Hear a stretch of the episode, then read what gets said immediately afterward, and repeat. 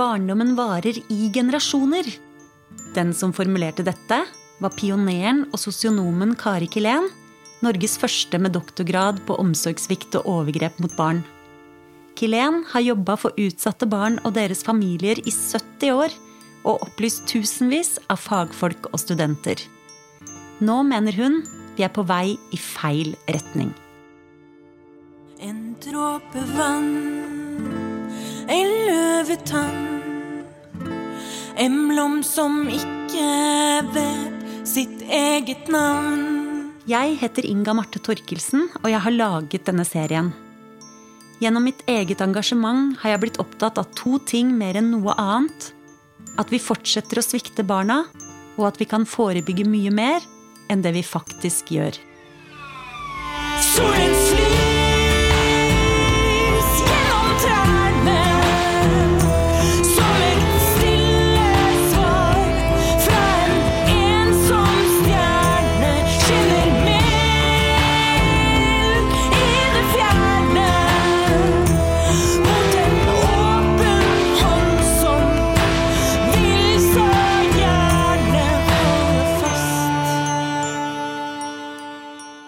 Kari Kelen skriver i boka 'Profesjonell utvikling og faglig veiledning' fra 2017 at hun observerer de samme fenomenene i ulike yrkesgrupper i dag som hun observerte for 40 år siden. Holdninger, reaksjoner, følelser og strategier synes ikke å endres annet enn i styrke, skriver hun. Hun peker på mangler ved utdanningene som en viktig faktor for å forklare hvorfor ting ikke bedres. Vi har ikke en utdanning som eh, gjør folk sterke nok til å gå ut og stå i det og utvikle seg videre. Og bidra til å hjelpe de som har det dårligst. Så jeg syns det er simpelthen utdanningens ansvar. Det er den vi må styrke. Og da må vi styrke den både med, med den tilgjengelige forskning og litteratur som finnes, og med veiledet eh, praksis. Og da snakker vi om utdanningen i bredden, den Da- tverrfaglige Da tenker jeg på det tverrfaglige. Dette gjelder, kan du si, alle som jobber på dette området, da.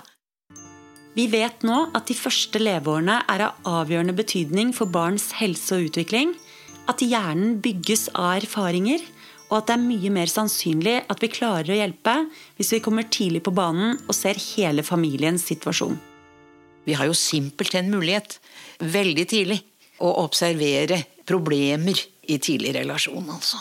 Og dette burde jo også da for politikere, syns jeg, være en ekstra sånn eh, push eh, til å investere mer i utdanningene eh, til de som skal forebygge og jobbe, uansett hvilken yrkesgruppe det er. Ikke sant? For hvis, hvis tingene tildekkes på helsestasjonen eller i, i barnehagen, ja, så krever det et løft for den barnevernsarbeider som skal stå i det.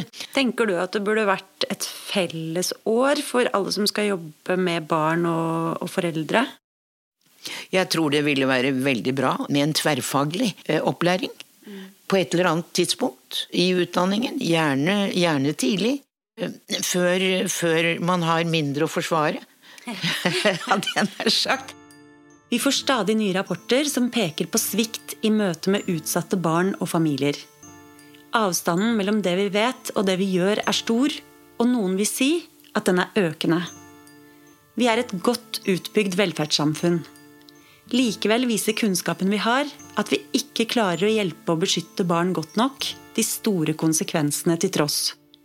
Vi kommer for sent på banen, og de som er dårligst stilt, får også dårligst hjelp. Denne problematikken den er komplisert, og på en måte så blir den mer og mer komplisert. Eh, For samfunnet utvikler seg, hadde jeg nær sagt, ikke alltid på gode måter. Um, Og eh, hvis vi skal forstå noen familie i det hele tatt, forstå et barn, så er vi helt avhengig av å forstå um, eh, samspillet mellom foreldre og barn. Måten samlivsdynamikk hos foreldrene påvirker barna, f.eks. Og hvordan nettverket forsterker eller reduserer de problemene. Og ikke minst hvordan ulike samfunnsforhold og kulturelle forhold påvirker hele tiden. Så Du må ha et helhetsblikk. Det Man som var på en måte gullstandarden for sosialt arbeid, ikke sant? Det var jo det. Ja. Og det er jo det med den helhetsmodellen. Men den, den har overlevet veldig godt, den altså. Den har, står enda sterkere på en måte. Um, For vi har fått så mye kunnskap. Og det er jo det som er det spennende nå, at vi får mer og mer kunnskap til å forstå bedre og bedre. Men jeg syns en, en av de første tingene som må gjøres når det gjelder barnevernsutdanningen, hvis man fortsatt skal ha én sosionomutdanning og én barnevernsutdanning, eh, det må være å få mer forståelse inn i barnevernsutdanningen. Du kan ikke hjelpe tungt belastede familier eh, med, med pedagogikk, altså. Og sentral kunnskap her, den kommer jo fra tilknytningsforskningen. Eh, Den er jo den viktigste kilde til informasjon. Som tidligere forklart handler tilknytningsteori om at barn knytter seg til sine foreldre uansett hvordan de blir behandla. Og at de gjennom samspillet med foreldrene utvikler ulike former for tilknytning som kan variere fra trygg tilknytning til utrygg tilknytning, med ulike variasjoner som vil prege hvordan de samspiller med andre mennesker gjennom livet. Men så er det også da viktig å, å erkjenne at uh, den er ikke en enbenet teori, som mange tror.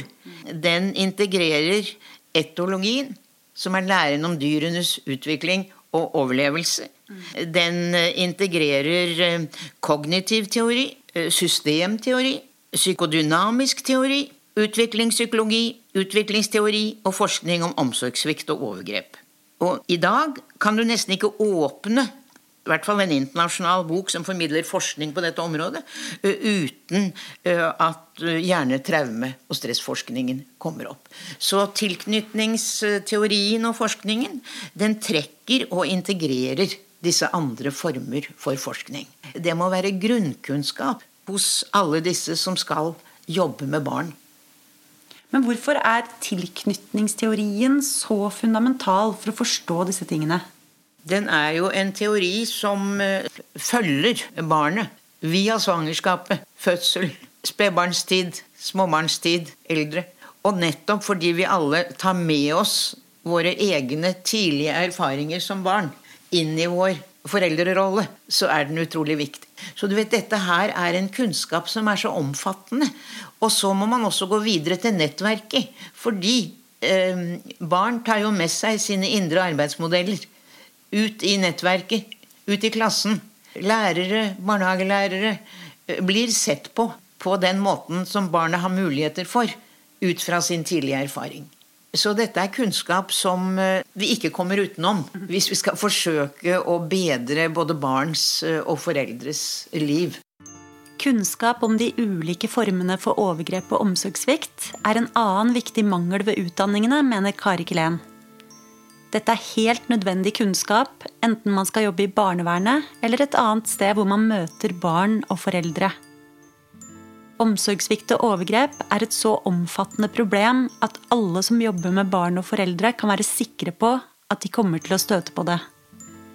Mange er bare ikke klar over at det er dette det handler om. Her er det jo viktig at eh, studentene får nokså eh, grundig innføring i ulike former for omsorgssvikt. F.eks. For eksempel eh, vanskjøtsel. At de blir i stand til å skille mellom følelsesmessig eh, og, eh, og eh, materiell vanskjøtsel. For vi ser jo i dag to typer av vannskjøtsel. Den ene, det er Den går på fysisk vannskjøtsel. Ja, den går, den, den går egentlig på alle barnets behov, hadde jeg nær sagt. For den henger veldig ofte sammen med dårlig økonomi og ekstremt belastede foreldre. Og så har vi også fått en, ny form for, eh, for vanskjøtsel. Eh, Og det er eh, hvor du har den følelsesmessige vannskjøtsel, men hvor alle de andre behovene er dekket i overdreven grad. Og med alle de andre behovene så tenker jeg jo da selvfølgelig eh, på, eh, på aktiviteter, sosiale aktiviteter, klær, eh, hva nå barn har muligheter for å delta i hvis de har penger nok.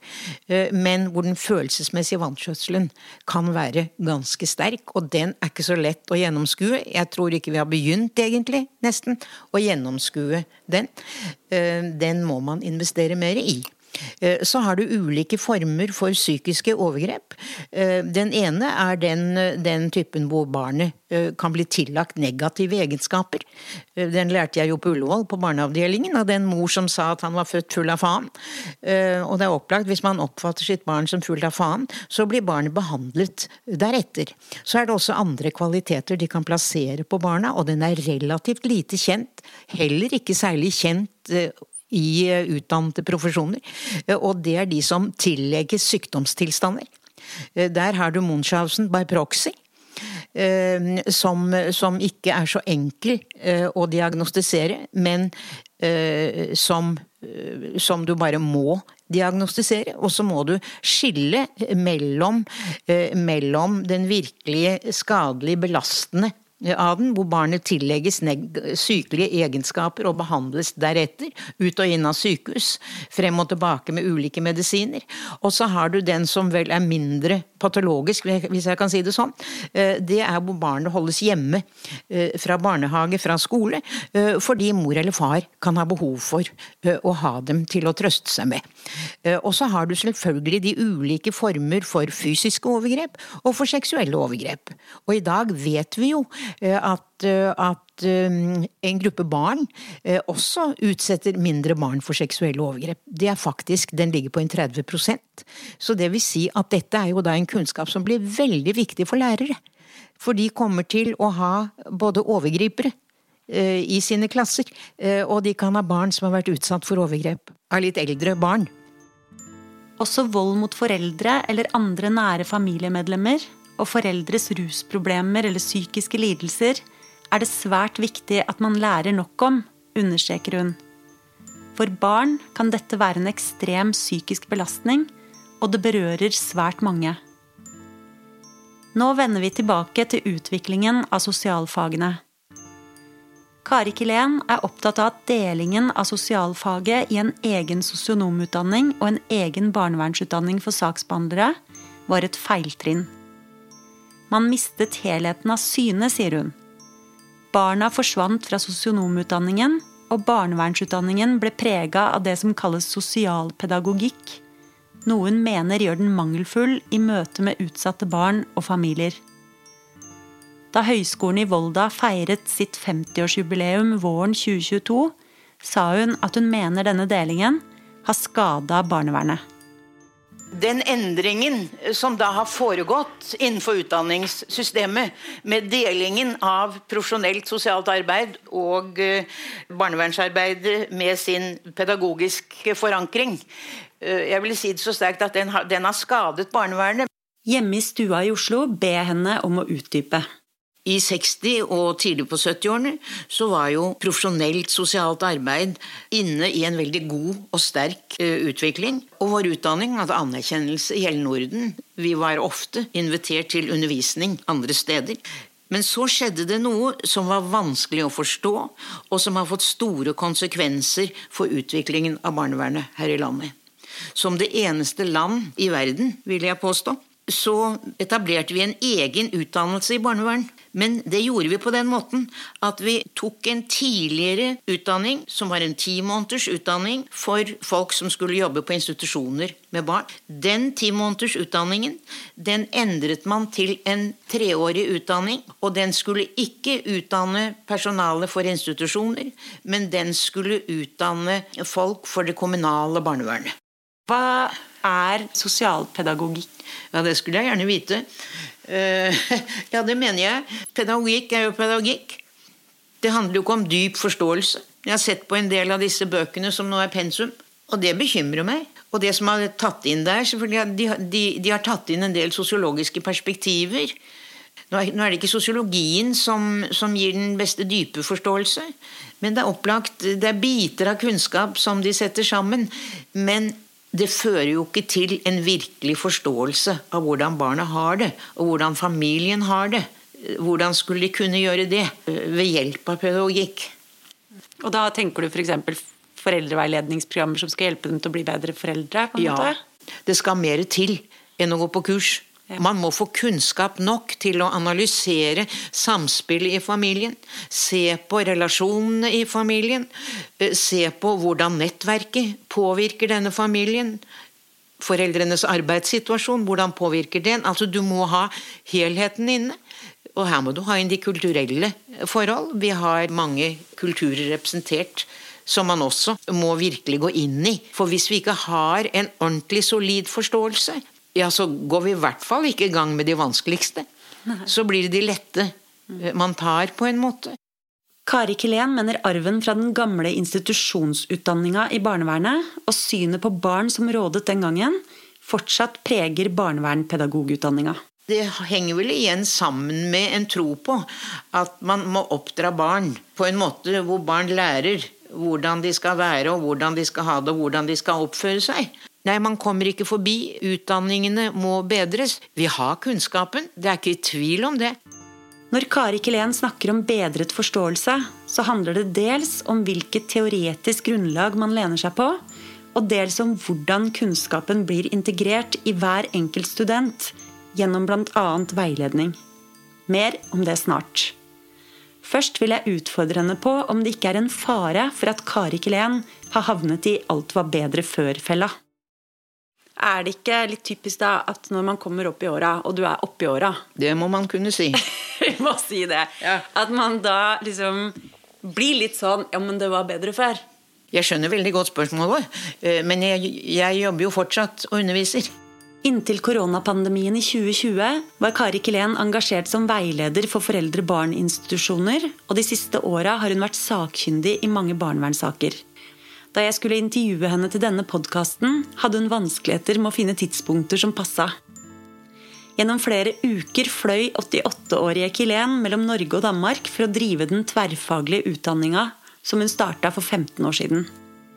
Mens vi lagde denne serien, hadde hun også flere undervisnings- og veiledningsoppdrag, og på Grønland venter de fremdeles på svar. Vil Kari Kilen på nytt veilede dem, slik at de kan beskytte og hjelpe barn og familier bedre? Jeg ber henne utdype hva hun mener var bedre tidligere. Man kan jo veldig godt konkretisere eh, hva som var bedre før. Altså Undervisningen hadde en annen form. Vi hadde smågrupper. Og vårt grunnlag for undervisning, det var konkrete saker. Jeg jobbet selv på Sagene familievernkontor og hadde fri hver lørdag. og Derfor underviste jeg på lørdager. Så det vil si at da brukte jeg de sakene hvor jeg både måtte se på hva slags forståelse har vi, og hva med den måten jeg har forholdt meg til det. Har det vært en god måte, eller har det vært en, en mer tvilsom måte? Slik at de kom inn i realitetene veldig tidlig. Det å ha hatt praksis før man begynner på utdanningen, det er helt avgjørende. Helt, helt avgjørende. Praksis og litt livserfaring. Eh, Så vil studentene eh, utvikle seg mye mer og mye hurtigere. Fordi de vil relatere det til sitt eget liv på en helt annen måte enn der hvor de ikke har vært ute i praksis. Men tenker du at man ikke skal begynne eh, rett fra videregående skole? På, Du tenker Ja, det? jeg syns det vil være fint om de, om de har et, et år eller to jobb. Men jeg tror å ha forpraksis, og de har opplevd litt av livet på kroppen eh, Det kan ha vært en forpraksis, eh, jeg hadde nær sagt, nesten hvor som helst. Ja. Hvor folk li, eh, lider og har problemer. For slik når du så da får, får teoriundervisningen inn, så får du begrepsfestet det du har sett. Å ja. Og så begynner du å skjønne disse tingene. Mens får du bare teori, så kommer du til praksis, og da er det veldig vanskelig å bruke praksisen på samme måten. For du sitter med teorien som du helst skulle få brukt. Og det er lang vei, det. eh, Fra den teorien til det de opplever i praksis. Vi må sikre oss at de får praksisopplevelser tidlig, og samtidig eh, omfattende praksis i selve utdanningen, og ikke minst veiledet praksis. Hva tenker du om lærerne, da? Burde de eh, jevnlig ut i praksis, de òg? Ja, det er jeg ikke i tvil om. Det er jeg ikke i tvil om. De bør ut i praksis, og virkelig kunne bringe praksis inn, inn i undervisningen. Helt, helt avgjørende. For da opplagt blir man sittende mange år Jeg vet ikke hva jeg skulle gjort, jeg. Hvis jeg ikke hadde hatt denne nære, nære kontakten med praksis. Sakkyndige oppdrag, eksempel.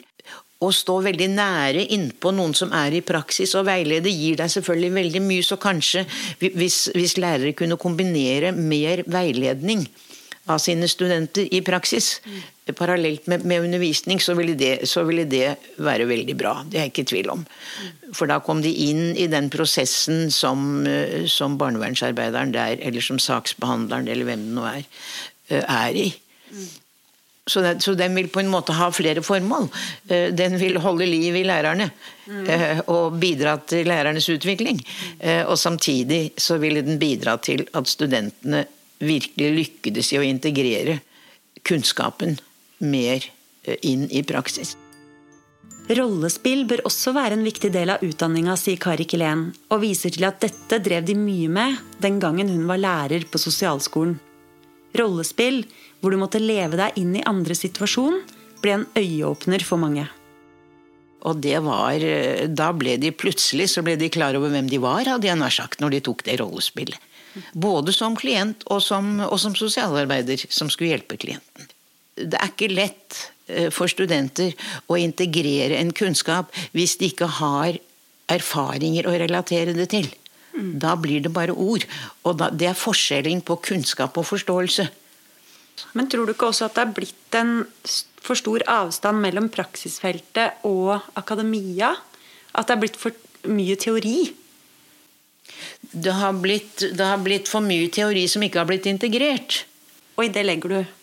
Nei, altså hvis en teori virkelig skal anvendes, så må den jo integreres i praksis. Og hva betyr det? Det betyr at du er i stand til, når du sitter i en, i en situasjon med en familie f.eks., eh, du møter en rekke holdninger, det berører deg Eh, på visse måter, så må du allerede der begynne å begrepsfeste hva er det du ser, hvordan reagerer du på dette. Hun vender seg mot mentaliseringsforskninga som bygger på filosofen Søren Kirkegårds berømte læresetninger fra 1800-tallet om å være der den andre er. Jeg syns noe av det spennende som har skjedd eh, de siste årene, det har jo vært eh, forskningen rundt mentalisering. Eh, så nå kan ingen lenger protestere når jeg snakker om det, for nå er det, nå er det skikkelig dokumentert. Den er, jo, den er, jo, en del av hele tilknytningsforskningen. Og det handler jo om, simpelthen, eh, å kunne se og forstå hva er det ved denne klienten som jeg reagerer på. Hvordan har denne klienten Hva slags behov har denne klienten? Og ikke minst å spørre seg selv hva gjør denne personen med meg? Den er viktig og hvorfor. Og Det er det første spørsmålet jeg stiller når jeg kommer inn og gir konsultasjon, som jeg gjør i Danmark på disse sakene. Det er spørsmålet hva gjør denne mor og denne far og dette barnet med det? Det er, det er inngangsporten til å stimulere din egen respekt eh, og innlevelse. Eller så blir jo faktisk eh, de faglige etiske prinsippene blir jo bare klisjeer. Du bare lærer dem utenat på sosialskolen, hadde jeg nær sagt, hvis du ikke virkelig får oppleve det i praksis. Og det betyr at du må kjenne på det rent fysisk? Du må kjenne på det ja. Eh, følelsesmessig? Følelsesmessig og kognitivt. Nettopp. Og der også kommer dette utsagnet ditt da eh, inn, nemlig at det er profesjonelt å vite hva du føler. Ja, nemlig. Og du vet ikke hva du føler med mindre du har fått opplæring gjennom veiledning, sånn at du kan bli deg sjøl bevisst Nemlig. under press også. Nemlig. For det er opplagt uh, ulike foreldre forsvarer seg på ulike måter. Uh, og, og, da, uh, og, da, vil vi i utgangspunktet kunne reagere på negative måter. Mm. Og her er det jo, dette er jo en kjempeutfordring for saksbehandlerne. Foreldre kan forsvare seg med sterk aggresjon, f.eks. Mm. Og det kan skape angst og uro. Mm. Det kan jeg da huske godt fra jeg eh, startet i Maridalsveiens eh, avdeling for psykiatri, som vi åpnet eh, der. Jeg fikk inn en, en, ganske så skremmende psykiatrisk pasient som plutselig reiste seg fra stolen og begynte å gå rundt skrivebordet mitt. Jeg bare innrømmer jeg var vettskremt, jeg. Mm. var ikke i tvil om hva han kunne gjøre. så, så, det eneste jeg kunne gjøre, var liksom å småsnakke med ham om at ja, jeg skjønner at dette her gjør deg veldig sinna. Jeg skjønner at du er sinna på meg. Mm. Jeg skulle ønske jeg kunne hjelpe deg litt mer, men jeg skal si jeg måtte roe meg selv ned for å klare å eh, Egentlig så hadde jeg mest lyst til å løpe ut på gangen og rope, rope på en av, en av medarbeiderne der. Um, så Men det hjalp? ja, ja, ja, det hjalp det. ja, for de fornemmer jo veldig, veldig godt. De har jo ofte en De har i hvert fall en enveis mentaliseringsevne som kan være veldig god.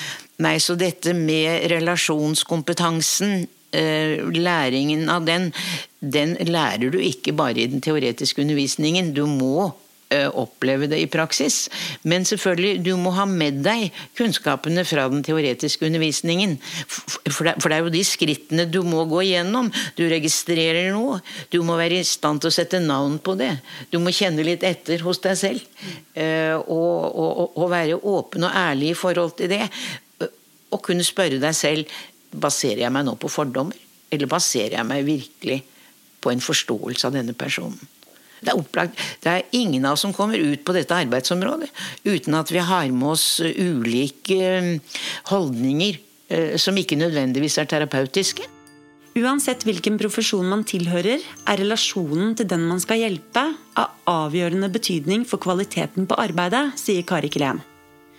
Og det er klart det kan være ekstra vanskelig å bygge en god relasjon til mennesker som utfordrer deg følelsesmessig, kanskje med motstand, tildekking og til og med aggresjon. Dette er jo et arbeid som berører oss alle følelsesmessig. Alle har vi vært barn. Mange har vi barn. Relasjoner er jo det mest grunnleggende og avgjørende i våre liv. Og det er jo dette som er grunnkunnskapen når man skal jobbe med mennesker. Enten man skal jobbe med det i barnevernet, eller hvor man skal, skal jobbe med det. altså. Det er spørsmål hva man gjør med de følelsene.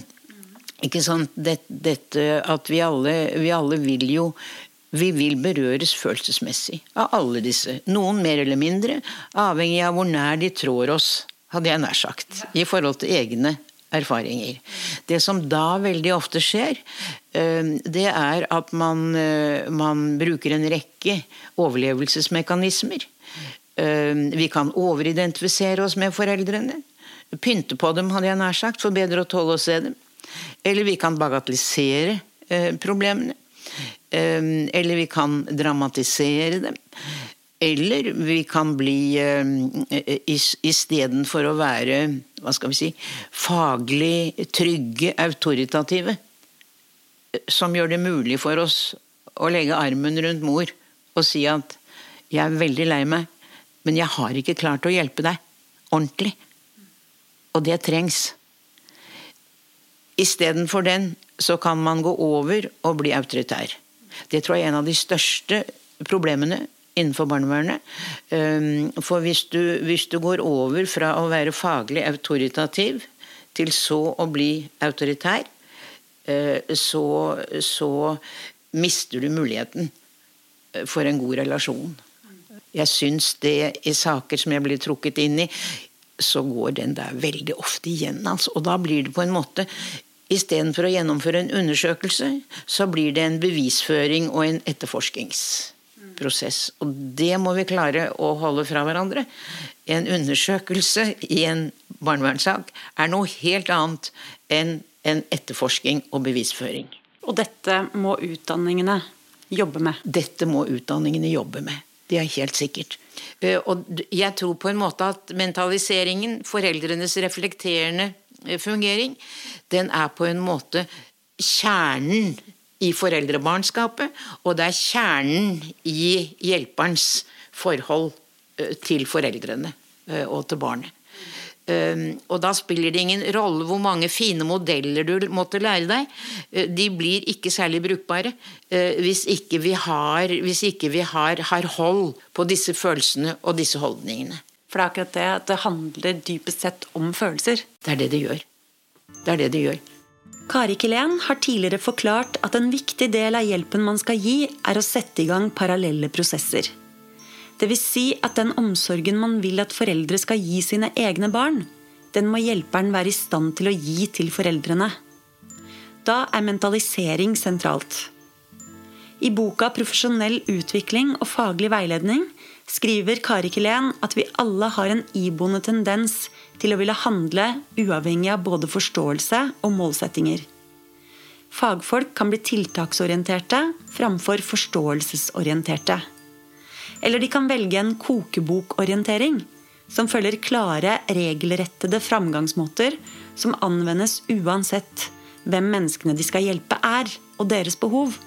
Programmer hun kaller 'one size fits them all'. Men det virker som om noen av de modellene som introduseres, skal eh, kompensere for, eh, for følelsene. At man skal slippe å kjenne på de følelsene.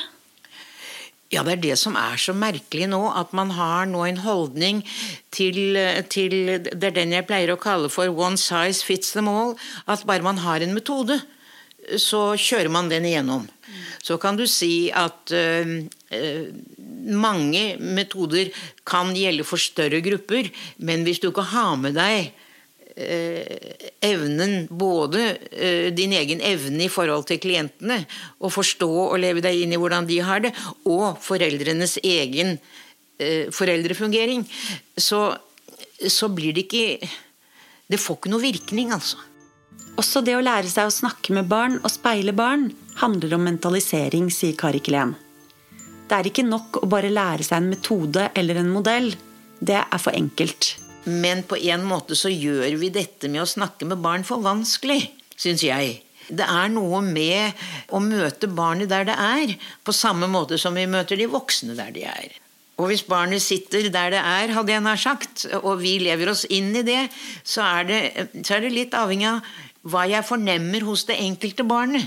Og da, kan, da, vil jeg veldig ofte speile det tilbake. Det er ikke lett, dette her, du. Veldig vanskelig. Jeg kjenner mange jeg, som er litt i din situasjon, da.